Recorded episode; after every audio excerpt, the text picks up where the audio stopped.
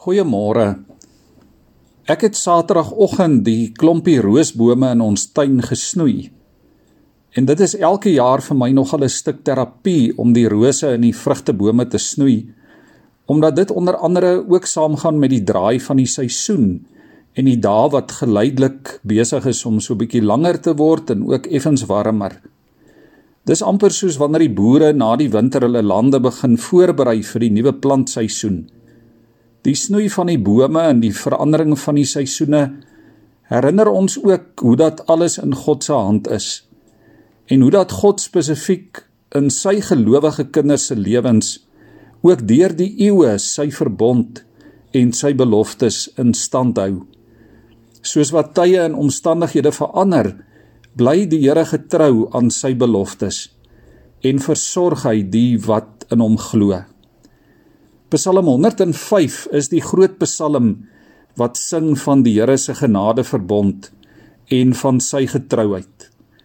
Toe die ark van die verbond die eerste keer na Jerusalem toe gebring is, het Dawid ook uit vreugde voor die ark uitgedans en het God se mense Psalm 105 gesing.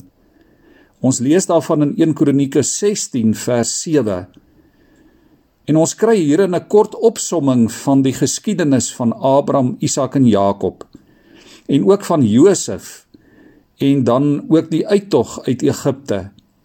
Hoe dat God deur die eeue en deur die seisoene vir sy verbondsmense gesorg het.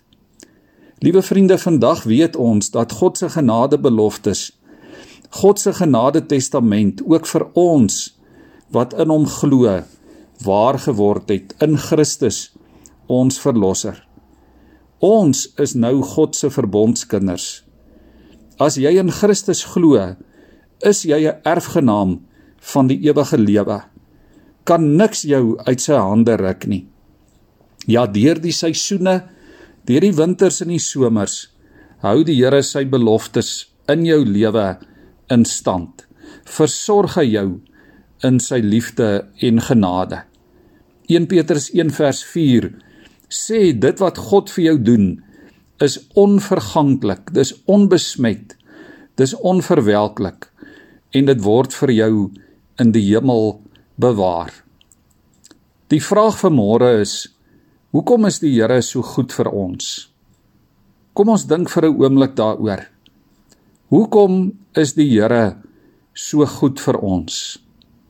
Vir die eenvoudige rede dat ons hom sal dien dat ons hom sal eer, dat ons lewens goeie vrugte vir hom sal dra, sodat ons sy wil sal doen.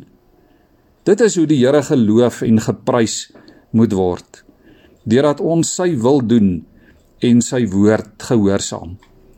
1 Petrus 2 vers 9 sê ook: "Julle is die eiendomsvolk van God, die volk wat die verlossingsdade moet verkondig." Van hom wat julle uit die duisternis geroep het na sy wonderbare lig. Psalm 105 kom sê vanmôre God se mense het rede om bly te wees. God se mense het rede om te blom waar hulle geplant is. En soos die seisoene en die omstandighede kom en gaan en verander, moet ons vrugte dra wat bewys dat ons tot eer van God lewe. Soek elke dag God se teenwoordigheid. Prys die Here saam met die gemeente. Prys hom saam met medegelowiges. Leef naby die Here in jou daaglikse lewe. Psalm 105 is dikwels ook in die kerkgeskiedenis gesing by die doop van verbondskinders. Dis baie bekende woorde wat die ouer garde onder ons dalk sal onthou. Die Heer wat van geen wankel weet nie, sal nimmer sy verbond vergeet nie. Al sy beloftes bly van krag tot in die duisendste geslag. Verbond met Abraham sy vriend bevestig hy van kind tot kind. Ek lees vir ons so 'n paar verse uit Psalm 105. Loof die Here, roep sy naam uit Maak onder die volke sy dade bekend. Sing vir hom, speel vir hom. praat met oorgawe van al sy wonderwerke. Die Here onthou vir ewig sy verbond, die beloftes wat hy afgelê het vir duisende geslagte, wat hy gesluit het met Abraham en met 'n eed beloof het aan Isak. Hy het dit aan Jakob bevestig as 'n vaste reël, aan Israel as 'n ewige verbond met die woorde: Aan jou sal ek die land Kanaan gee as julle afgemeete erfdeel. Ja, hy het sy heilige belofte aan Abraham sy dienskneg onthou. Hy het sy volk laat wegtrek met gejubel, sy uitverkorenes met juigkrete.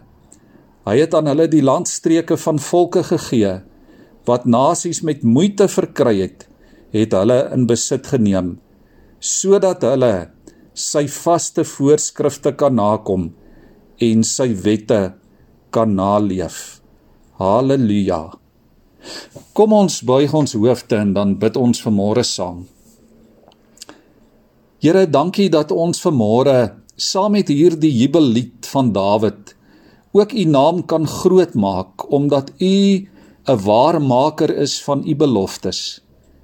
Dankie Here dat u u testament, u verbond in ons lewens in stand hou. Dankie Here dat ons kan groei, dat ons vrug kan dra op hierdie aarde, dat U ons bevoorreg Here om te midde van seisoene en omstandighede wat verander om vrug te dra tot die eer van U naam. Here gee dat ons so sal leef, dat ons ons getuienis so sal uitdra dat ons U woord gestand sal doen. Here maak ons gehoorsaam aan U wil en aan U stem in ons lewe. Dankie dat ons getrou kan wees, Here. Nie omdat ons so goed is nie, maar omdat U in ons lewe getrou is. Amen.